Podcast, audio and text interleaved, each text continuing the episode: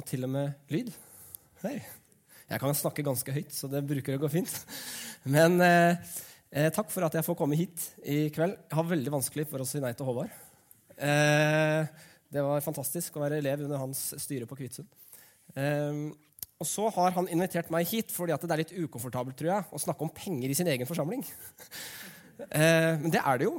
I dag skal vi snakke om penger, forvaltning, eh, rikdom. Og, og, det er krevende når man er en del av en forsamling. Så, så, jeg skal tråkke litt rundt i salaten i det i dag sammen med dere. Tenke litt høyt. Eh, og så får dere ha litt raushet med meg. Det er jo ikke å si alt helt rett om disse tingene er vanskelig, for det er gråsoner og grenseland hele veien. Og vi sitter ikke på samme sted i livet, og, og dere ikke innimellom dere heller. Men jeg tror at eh, jeg har noe jeg skal fortelle dere i kveld, som kanskje tar med dere noen poenger eh, videre. Dere holder på med spennende ting. Bygger, bygger bedehus, dere bygger forsamling. Eh, så det, økonomi er viktig der. Men en eh, kjent mann jeg kjenner som heter Gunstein Kokk, han sa sist gang jeg traff han, at Gud trenger ikke våre penger, men vi trenger å gi. Eh, altså, Gud er rik, på en måte, men det er et eller annet med dette giveropplegget som allikevel er veldig viktig. Eh, så jeg har kalt dette 'velsignet for å velsigne'. Eh, og første spørsmål eller før jeg tar det Jeg har preika om det her noen ganger før i livet mitt. Noen år, med, med, noen års mellomrom. Første gangen da var jeg student, hadde bare studiegjeld og hadde veldig lite penger. Den andre gangen så eh, jobba jeg som eh, forsker. Da tjente jeg under lærerlønn og under sykepleierlønn. Eh, nederst på rangstigen, men hadde lønn. Den tredje gangen så jobba jeg som turnuslege på sykehus. Nå er jeg fastlege og kommuneoverlege i en liten bygdekommune, og vi tjener masse penger. Eh, det er bare sånn det er. Men jeg, har, jeg, står inne for alt det jeg sier på alle de fire punktene i livet mitt. Det har ikke endra seg noe. Jeg har bare erfart mer. Jeg skal ta litt av det med dere i dag. Erfaringer som har bygd seg opp etter hvert. Første spørsmål er dette. Er du rik? Og Man kan lure seg unna det med at rikdom er jo mye mer enn penger. Jeg er rik på venner, opplevelser, mange ting. I dag skal vi snakke om mammon. Vi skal snakke om penger materiell rikdom. Er du rik? Eh, det har blitt et litt sånn krevende spørsmål de siste par åra. For plutselig er det dyrtid. Det er dyr strøm, og kostnader går i været, og matprisene stiger. Og flere kjenner på at det er trangt økonomisk. Eh, men jeg, jeg stiller fortsatt spørsmålet er du rik. Og den sliden her den begynner å bli gammel, men den neste oppdateringa kommer veldig snart. Og Jeg er spent på hvordan det har utvikla seg. Så følg med på det når SSB skal utgi hvordan fordeler vi pengebruken vår i Norge. For det forteller en del om hvordan vi har det. Men til spørsmålet om du er rik. På 50-tallet, i 58, så brukte norske husstander 40% av alle pengene de tjente, på mat. Og hvor mye penger man bruker på mat, er et veldig godt mål på velstand. I dag så bruker de i Albania 40% av pengene sine på mat. Og I Niger så bruker de 60% av pengene sine på mat. Altså det mest viktige for å overleve. Det gjorde vi i 1958. Og så ser dere at i Norge så har andelen av pengene våre som vi bruker på mat, synker ned hit. Den ligger det rundt 10% Transport har gått litt opp og ned. Men dere ser jo det er noe som har eksplodert her fra, fra 50-tallet. Det er jo bolig. ikke sant? Eh, her har vi interiørkataloger. Vi har fått så mye penger at vi kan begynne å utvide forbruket vårt enormt innenfor bolig og hytte og, og hus. Og dette trenger vi ikke. Vi, vi, må ha mat, men vi må ha en bolig. Men vi, det er veldig mye av dette vi ikke trenger. Dette her forteller at vi i Norge vi har veldig mye penger. Vi i Norge har råd til å bruke penger på andre ting enn å overleve. Mye penger på andre ting enn å overleve. Så min påstand egentlig, det er at ja, i Norge generelt er vi rike. Og så sitter kanskje noen her inne og kjenner på at vet du hva, det gjelder ikke meg. Det er pressa situasjon, det er trange rammer, vi får det akkurat til å gå rundt. Vet du hva, Det er tøft. Jeg snakker ikke dumt om det i det hele tatt. Altså, det, det er en tøff situasjon. Men generelt i Norge etter to år nå så går fortsatt ikke reisevirksomheten i Norge veldig ned. Vi drar fortsatt like mye på ferie omtrent. Vi bruker, altså, Det er tydeligvis Vi har mye penger i dette landet her. Og det tenker jeg at vi kristne bør også ta inn over oss, fordi snakker Jesus noe om penger? Ja, det gjør han. Han snakker ganske mye om penger. Og ellers i Bibelen så hører vi også ganske mye om penger. Forvaltning av penger, hva vi kan gjøre med det. Og Den første vi skal ta opp i dag, det er den rike, unge mannen. Altså, Han er et medlem av rådet. Han kommer til Jesus med et spørsmål. Hva skal jeg gjøre for å arve evig liv? Evig liv. Og mange av disse høye på strå i Israel på den tida, de var ute etter å ta Jesus. Få, ta, tatt den for et eller annet, få den i fengsel, få drept den. Han fyren her han tror jeg er helt på skikkelig og er interessert i å følge Jesus. Jeg tror at Han hadde et skikkelig ønske om å være nær Jesus, ligne på han og følge han. Fordi når han spør Jesus hva skal jeg gjøre for å arve evig liv, så sier Jesus, hei, du kjenner jo budene. Du vet hva som skal til. Og han sier til Jesus, mester, jeg har gjort alt det der. Og så sier Jesus, ah, du mangler én ting. Én ting du mangler. Og Jesus klarer, han skjønner jo med en gang hva som holder denne mannen vekk ifra å følge Jesus. Han sier, én ting mangler du. Ta også selv alt du eier, gi pengene til de fattige, så skal du få en skatt i himmelen. En skatt i himmelen. Og grunnen til at jeg tror at han for skikkelig ønsker å følge Jesus, er fordi det står han ble veldig lei seg. Han ble bedrøvet og gikk bedrøvet bort fordi han hadde mye penger. Jesus hadde truffet nerva i livet til denne mannen her, som handla om han ønsker å følge Jesus, men det er noe som er viktigere for han enn Gud. Han har faktisk ikke forstått at han ikke han oppfyller ikke det første budet. Du skal ikke ha noen andre guder enn meg. Han sier at han har ingen andre guder, men Jesus avslører ham og sier jo, du har det. For pengene dine er viktigere for deg enn meg. Eh, og Han blir lei seg, og derfor tror jeg han, han ønsker å følge Jesus. Men Jesus prikker han på det mest sårbare punktet hans. Og han var rik. Det er derfor Han her han treffer meg veldig. For jeg, jeg tror jeg kan si til dere helt ærlig, jeg ønsker å følge Jesus. Jeg tror om dere også. Vi ønsker å følge Jesus. Og Da er han her, her en litt sånn modellfyr for oss, for at rikdommen er åpenbart så krevende for han å kvitte seg med at han velger å gå vekk fra Jesus for det. Um, skal jeg bare justere litt på skjermen min her.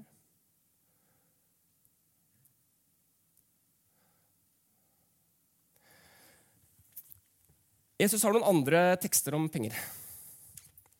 Eh, og han fortsetter på en måte Når han her rike unge mannen har blitt lei seg og gått vekk, så sier Jesus eh, hvor vanskelig det er for dem som eier mye, å komme inn i Guds rike.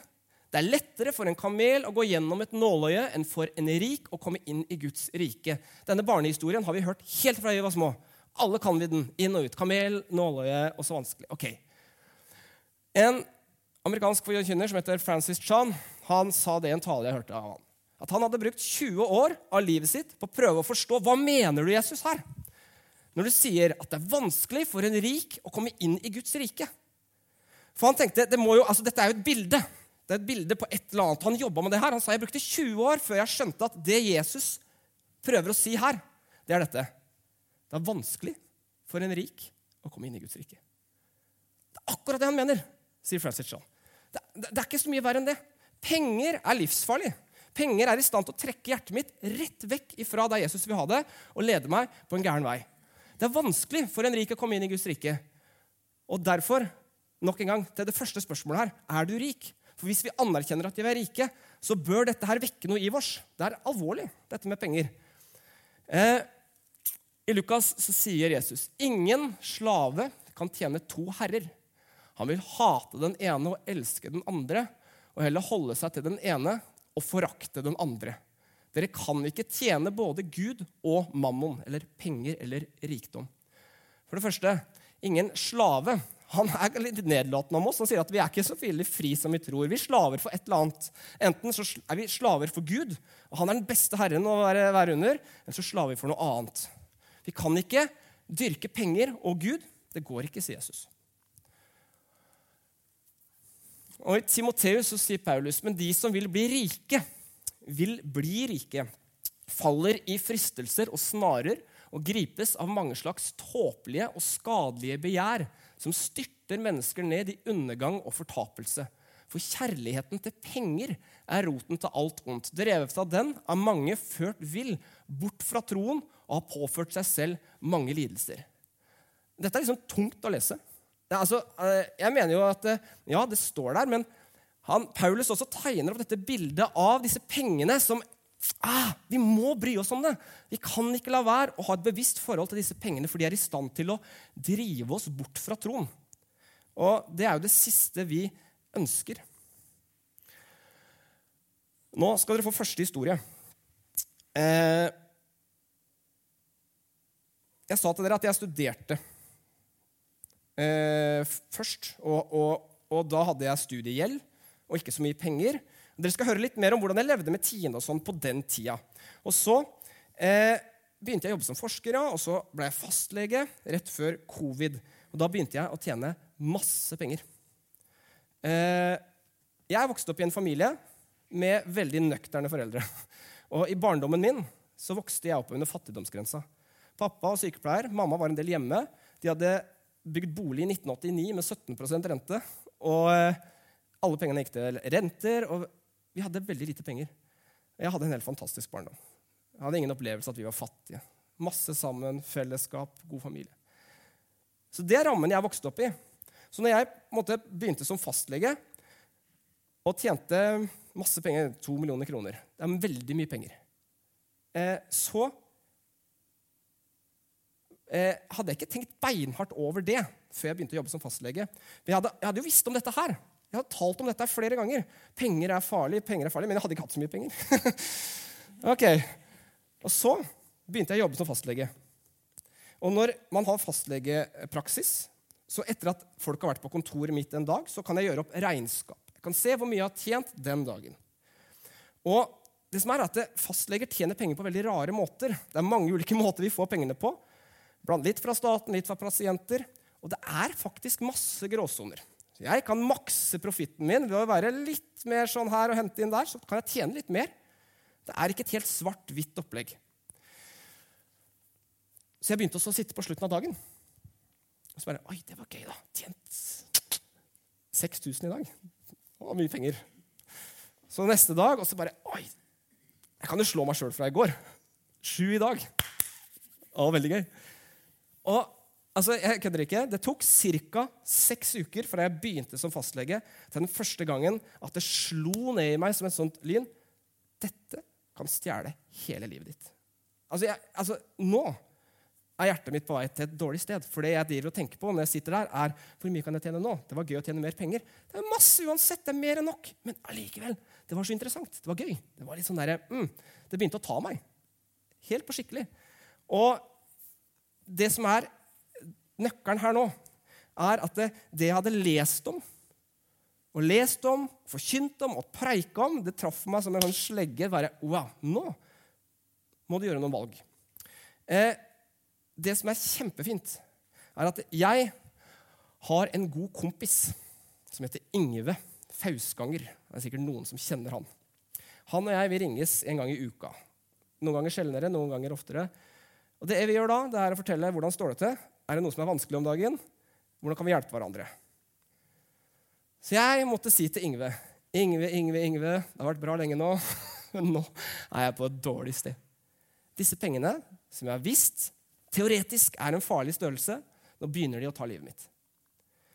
Og han, ok, Så begynte vi å snakke om det, spare om det. Jeg bekjente for han at dette her er vanskelig for meg. Og bare det å bekjenne det, si til Yngve du må hjelpe meg med det her. Hjelp meg til å begynne å forvalte dette riktig. Ta kloke valg. Hvordan skal jeg gjøre det? Vi satte opp regler. Jeg får ikke lov til å sjekke økonomi oftere enn hver 14. dag, for det krever staten at jeg gjør. Da sender jeg en regnskap. Jeg ser minimalt på pengene. Jeg fokuserer på pasientene mine, ikke hvor mye jeg tjener. Dette jobber jeg med fortsatt. Dette er fortsatt fristende for meg å, å, å vike fra. Men Ingve hjelper meg til å følge det som jeg tenker Gud snakker om. Hei, du vil ikke at pengene skal styre deg. Du vil at det er jeg som skal eie livet ditt. Ingve hjelper meg til å forvalte pengene mine på en bedre måte, som ligner mer på som jeg tror faktisk Gud har lyst til at jeg skal forvalte dem. Så jeg er ikke aleine om det. Og det er den første greia. Jeg har Ingve i livet mitt. Og da tenkte jeg sånn Ok, det er et bra spørsmål til dere. Fordi det trenger ikke være penger. Vi kan overføre dette på mange andre områder også. Hvem er din Ingve? Hvem er det du måtte dele hjertet ditt med underveis? Det kan være ektefeller eller venner. Eller har du noen som hjelper deg å holde, holde retningen som du egentlig vil? Fordi plutselig så kommer det situasjoner som utfordrer, og det gjorde det for meg. Og så er det da hvordan kan du unngå at pengene blir Gud? Eh, dere skal ikke svare på dette nå, men jeg, jeg bare illustrerer det. fordi det, For meg ble det en helt sånn, nesten sånn åpenbaringsopplevelse av hvor kraftfullt disse pengene er i stand til å ta hjertet mitt. Eh, og brukt riktig så fører det til vanvittig mye godt. Det er et verktøy til velsignelse. Det er så mye godt der, men det er en fare. Og jeg må ta på alvor det Jesus sier.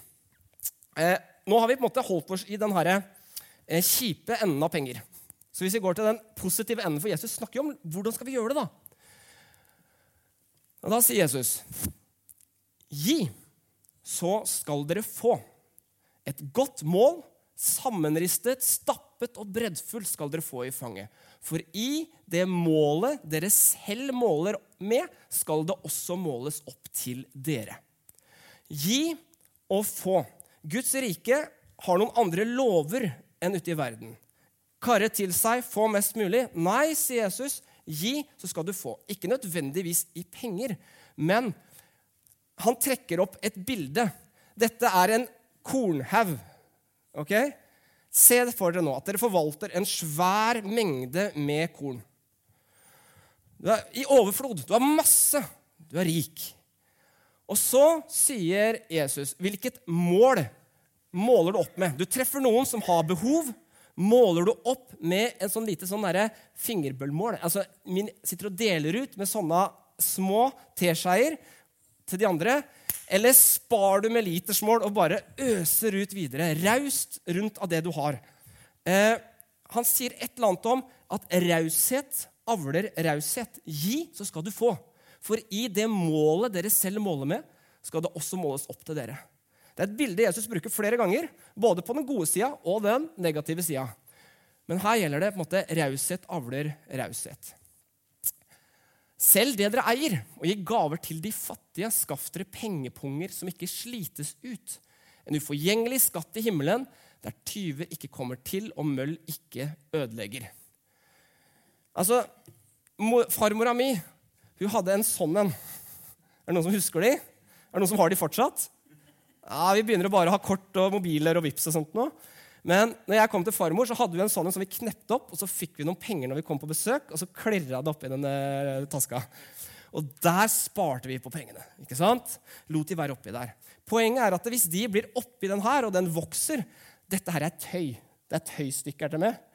Kommer til å slite etter hvert. Må holde plass på det. Ikke la den slites ut av bare det som ligger oppi der. Ta så, bruk disse pengene til det gode. Ikke bare spar på dem for å få egen rikdom til å øke. Eh, Skaff dere pengepunger som ikke slites ut. Men det jeg sier dere, den som sår sparsomt, skal høste sparsomt. Og den som sår med velsignelse, skal høste med velsignelse. Enhver skal gi det han har bestemt seg for i sitt hjerte, ikke med ulyst eller av tvang, for Gud elsker en glad giver. Og Gud makter å gi dere all sin gave i rikt mål, så dere alltid og under alle forhold har nok av alt, ja, har overflod til all god gjerning, snakker Paulus om. Her gjenkjenner jeg Jesus-prinsippet fra i stad. Gi og få. Så sparsomt, høste sparsomt. Så med velsignelse, høste med velsignelse. Det er et eller annet med denne raushet, Guds rike dimensjon her, som jeg syns er utrolig fascinerende. Eh, gjelder selvfølgelig på mer områder enn penger, men nå er det penger vi snakker om. Og så er det dette punktet her. Det kan ikke betones nok. Gud elsker en glad giver, ikke med ulyst eller tvang. Og Jeg skal ta litt mer om det etterpå. Så kommer det et løfte til slutt. Gud makter å gi dere all sin gave i rikt mål, så dere alltid og under alle forhold har nok av alt, ja, overflod til all god gjerning. Det er løfter. Paulus sier dette, dette er Gud dette, som dere tror på. Dette er han. Eh, nå skal dere få lov til å treffe hun der. Eh, dette er min bestemor. Eh, bestemor er ei litt sprø dame, men hun er veldig kul. Jeg ringer ganske ofte med bestemor. Tirsdag mellom 11 og halv 12. Da har jeg en sånn høl i timeplanen min hvor jeg kjører mellom to steder. Da ringer jeg alltid bestemor. Og så snakker vi sammen. Nå har hun blitt ei gammel dame. Dette er noen år siden. De to eldste ungene mine, som var noen år yngre da. Eh, 1969, tror jeg, så dro bestemor og bestefar med fem unger over Atlanteren og bosatte seg i jungelen i Sør-Amerika, i Bolivia, eh, i jordhytter. En indianerstamme blei daudsjuke. Fikk etter hvert tregulv i, i hyttene for å ha nok standard. Eh, bestemor hun har en sånn grunnidentitet. At hun er datter av kongenes konge. Det er bestemor som bare Jeg er datter av den rikeste fyren i hele verden. Han elsker å velsigne meg, så jeg kan velsigne andre. Bestemor lever i et veldig nært tillitsforhold til Gud og har gjort det hele livet. Av og til syns jeg det er veldig utfordrende å høre henne snakke, fordi jeg tenker at det er uansvarlig. Men eh, bestemor hun er den typen som når, de, når hun har sittet og trengt penger til misjonsarbeidet sitt, og visst at nå, Gud, trenger vi, vi trenger penger. Vi trenger 10 000 kroner på fredag til dette her. Amen. Så har ikke du tenkt mer på det. Og på fredag så kommer det en sånn fyr fra Øvre Telemark som gir henne 10 000 kroner. Sånn har hun levd hele livet sitt i en bunnløs tillit til at Gud er min forsørger. Eh, og han velsigner meg, sånn at jeg kan velsigne videre. Bestemor er raus med seg sjøl. Hun setter sånn krøll, krøllpermanent én gang i uka hos frisør. Eh, ikke akkurat nå om dagen, for nå har hun vondt i ryggen og sengeliggende. Men hun har tatt vare på seg sjøl på sett og vis, men hun har vært utrolig dedikert i tjenesten for at evangeliet skal videre. For fem år siden, tror jeg cirka, så ringte jeg bestemor før jul. Og så sa bestemor Tarjei, jeg har fått, jeg har fått bare en uh, Gud har sagt til meg at uh, jeg skal kjøpe Israels tur til to bolivianske misjonærer som vi jobba tett med. Det var indianere fra jungelen som aldri hadde vært i Israel, og bestemor elsker Israel. Så hun sa jeg har kjøpt tur-retur Israel for alle pengene mine til de. Og jeg sa som en fornuftig mann ville sagt Bestemor, du trenger litt backup. Du trenger litt sikring. Men hun bare Tarjei, det er greit, men dette skal jeg gjøre. Ok, Så hun hadde brukt ja, hun hadde litt mer da, men hun hadde, hun hadde brukt 50 000 kroner på å fly disse bolivianerne att og fram til Israel i 14 dager. Eh, og så ringte jeg henne rett etter jul, og så sa hun til meg Tarjei. eh, altså, Brynjar, og Brynjar det er hennes ikke, altså, Bestemor ble enke tidlig. Hun gifta seg med Mindor. Han ble ekte, enkemann tidlig. Og Så gifta, gifta, de seg, så hadde de med seg noen barn inn som var blitt voksne når de gifta seg. Eh, og Ungen til Mindor han het Brynjar. Han var takknemlig for at bestemor hadde kommet inn i livet til mannen altså til Mindor og, og, hadde lyst til å være, vise henne takknemlighet den julaften der. Så han hadde gitt bestemor en gave på julaften. Jeg vet ikke om du vet hvor mye penger du fikk den julaften? Ja, vi fikk 50 000 kroner.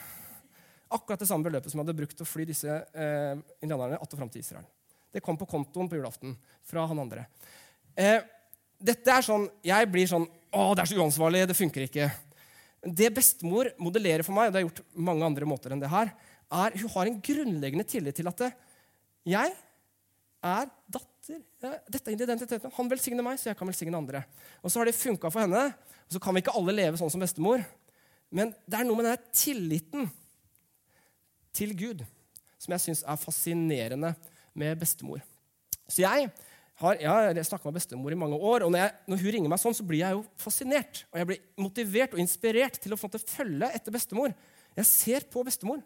For hun har åpenbart gjort noen erfaringer i Guds rike som jeg ikke har gjort ennå. Som jeg har prøvd å gå i hennes fotspor og begynne å ligne litt på hun på det området. Eh, jeg syns ikke Donald Trump er konge. Det gjør bestemor. Eh, så jeg, jeg, kan, jeg, er ikke ukritisk til alt hun sier. Men på dette området her hun har en bunnløs tillit til at Gud er min forsørger. Eh, så eh, når jeg var ganske ung, omtrent på Kvitsund-alder, så traff jeg noen ledere. Både på Kvitsund og i pinsebevegelsen, der jeg egentlig vokste opp. Hadde gode forbilder der, som lærte meg å gi tidlig. De sa at vet du, hvis du starter å gi tidlig av pengene dine, så følger den vanen med deg i livet. Så jeg begynte å gi tidlig. Jeg syntes dette var veldig gøy. Jeg følte oi, jeg tror jeg har kalt å gi. Jeg følte det var, det var, fint. Det var frihet. Det var glede. Eh, og jeg tenkte at 10% Jeg kan gi mye mer enn 10% I mange år så ga jeg 30% av alt jeg tjente. Og jeg kjente bare glede. Det var kjempefint. Eh, det var alltid nok penger når jeg studerte. alltid nok og vi ga masse penger. Og dette som var en glad giver, det var virkelig det det var. Det var kjempeglede.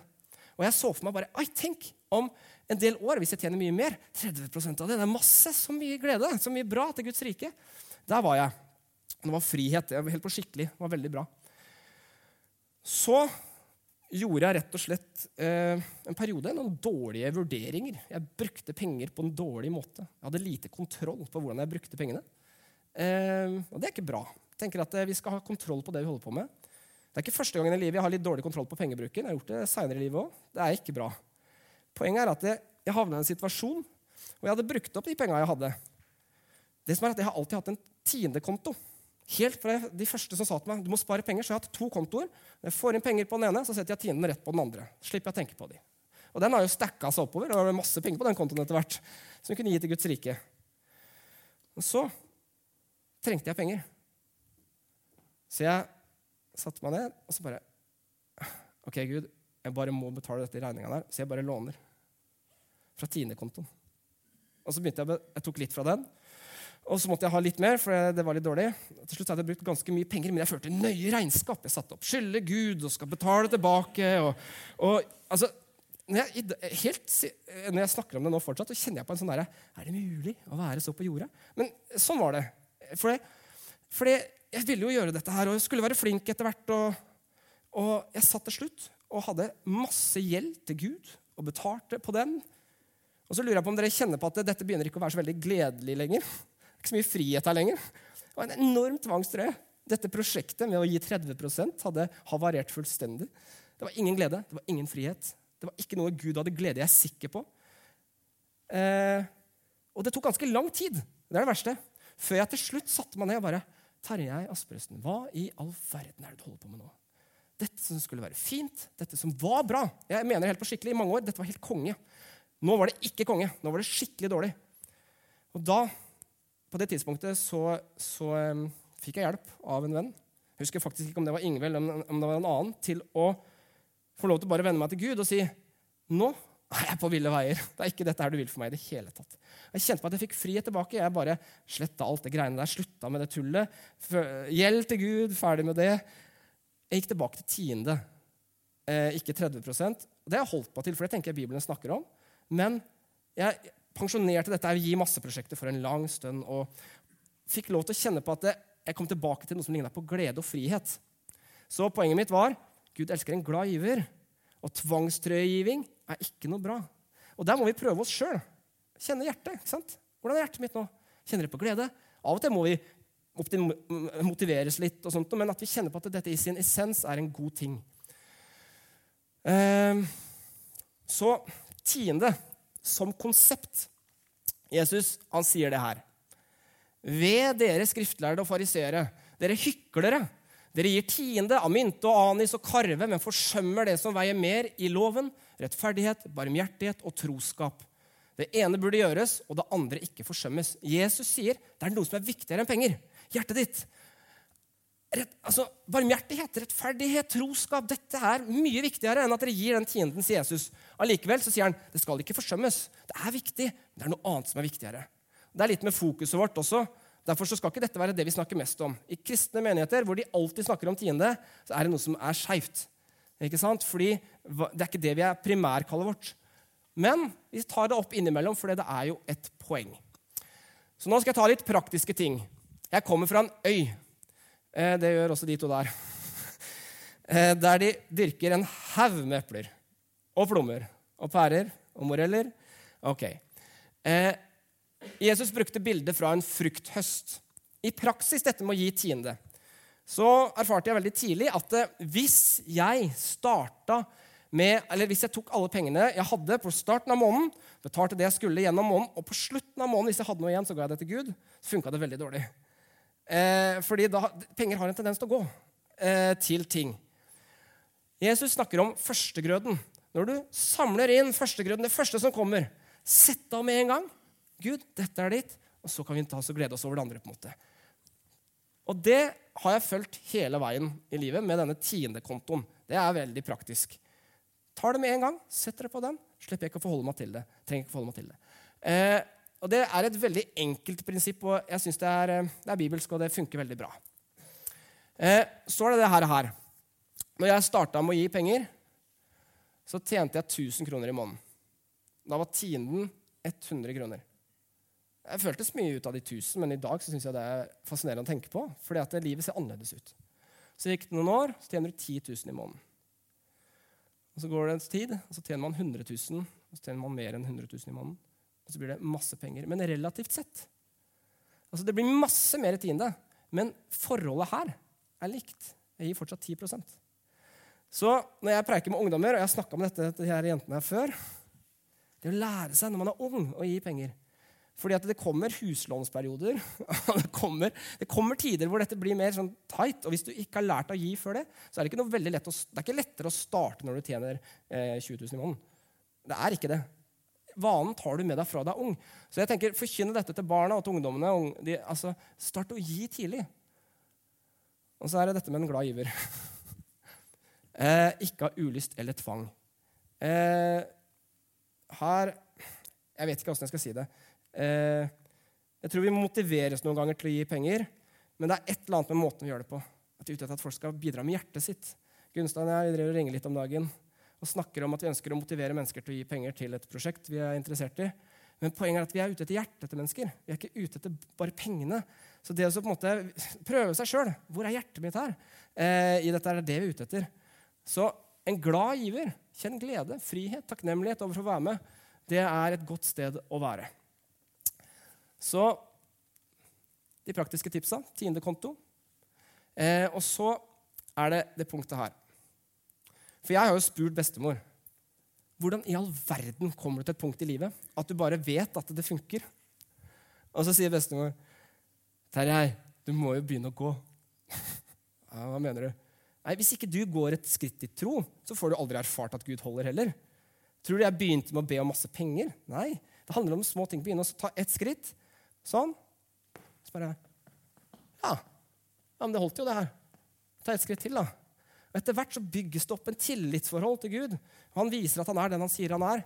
Eh, så det å våge å ta noen trosskritt, det tror jeg er veldig viktig her. Også i dette med å gi penger, for å erfare at det er nok. Han er vår forsørger. Det er faktisk ikke jeg som sørger for meg sjøl. Gud er min forsørger. Jeg kan tjene så mye penger jeg vil. Og så er det raushet avler raushet. Det tror jeg er superviktig. Eh, og så hadde jeg, hadde jeg jeg sa det, jeg begynte å tjene mye penger. Og jeg var dårlig forvalter en gang da jeg var student. Jeg var dårlig forvalter en gang da jeg var lege. For to år siden. Da bygde jeg hus. Og jeg vet ikke hvor mange som har bygd hus, men når du bygger hus, så er det, det, Du kan bruke så mye penger du vil, faktisk. Det, eh, det, er så mye som koster penger. Og jeg var litt ivrig og bare satte i gang med masse ting, for det hadde mye penger. Så satt jeg der, da. Jeg svidda. Jeg tjener så mye penger, og fortsatt hadde jeg brukt opp alle pengene mine. Og Jeg tenkte wow. Den sikkerheten du tenkte ja, du tjener mye penger, det er bare tøys. Jeg må forvalte det skikkelig, og jeg kan ikke stole på det. Plutselig kan jeg bli sjuk. Slutter jeg å tjene penger? Det er et eller annet med Hvor er tilliten min? Tilliten min er til Gud, for han er min forsørger. Dette verset her det er sånn som jeg får frysninger på ryggen av hver gang jeg leser. Dette er eh, Moses til israelsfolket som skal inn i løfteslandet. Og han, Gud har noe han skal si til dem da når de skal inn i det lovede landet. Da har de vært i ørken, de har vært i vandring, de skal inn til overflod. Og Gud vet at nå kommer karakteren til folk å bli prøvd. Og så, sier, eh, så skriver det i 5. Mosebok. Så sier Gud når du spiser og blir mett, når du bygger fine hus og bosetter deg i dem, når ditt storfe og småfe øker i tall, når du får mengder av gull og sølv, og hele din eiendom vokser, Vokt deg da, så du ikke blir hovmodig og glemmer Herren din Gud, Han som førte deg ut av Egypt og ut av slavehuset. Dette her, det er Norge for meg. Vi spiser og blir mette, vi bygger fine hus og bosetter oss i dem. Vi har storfe og småfe, eller i hvert fall masse frukt på Helgøy eller whatever. Vi får mengder av gull og sølv, og eiendommen vokser. Hva skal vi vokte oss for? Hovmod. Å, så flinke vi har vært! Se så flink jeg har vært. Fått til det greiene her. Se så flink jeg har vært i Norge. Se så flink jeg er. Nei, nei, nei. Nei, nei, nei, sier Jesus. Helt feil. Det er bare han vi kan takke. Han er vår forsørger. Han er det som gir overflod. Han er det som gir. Og vi venner oss til han. Så dette tenker jeg er et fellesansvar. Ingve måtte jeg ringe og si nå må du hjelpe meg, fordi det er et eller annet som begynner å gå feil her. Han må hjelpe meg til et rett forhold til Gud på disse tingene her. Mindre hovmodighet, mer av Gud, egentlig, i disse tingene her også. Og Det tenker jeg også er et oppdrag til på forsamlinga deres. Når dere på en måte holder på med dette, samle penger og sånt, ikke sant? Det, er, det er å hjelpe og rette fokus, tenker jeg. Og det er der vi alltid Hebreerne 12, eh, med blikket festa på Han som er troens opphavsmann og fullender. Når vi orienterer det vi holder på med, der, blikket festa på riktig sted, så tror jeg mye av dette med givertjeneste og alt det andre legger seg litt i kjølvannet av det. Eh, så ikke glem Herren din Gud. Det syns jeg er et fantastisk viktig poeng, og som jeg pleier å avslutte med når jeg snakker om disse pengene. Så det var egentlig det jeg hadde tenkt å liksom dele med dere i kveld. Noen perspektiver rundt tiende, penger osv. Nå har jeg holdt på i passe lang tid. Eh, så eh, jeg tar også B litt til slutt, og så eh, blir det sikkert kaker og kaffe. og sånn. Eh, gode far, eh, jeg takker deg for at det, eh, du velsigner. Og vi, vi er privilegerte i det landet her. vi lever i overflod. Vi lever i materialistisk overflod. Og hjelp oss å forstå farene med det, og samtidig glede oss over det på en god måte og bruke det til velsignelse for oss selv, hverandre, ditt rike. Ber om at hjertene våre skal være varme, at ikke de skal bli tatt av disse pengene, av økonomisk jag, av materialisme. At de i størst mulig grad skal få lov til å la det fylles av deg og ditt vesen og din karakter. Hjelp oss å forvalte det vi har, på en god måte. Velsign samtalen vi skal ha videre om hvordan vi kan forvalte disse her pengene på en god måte. I ditt gode navn. Amen.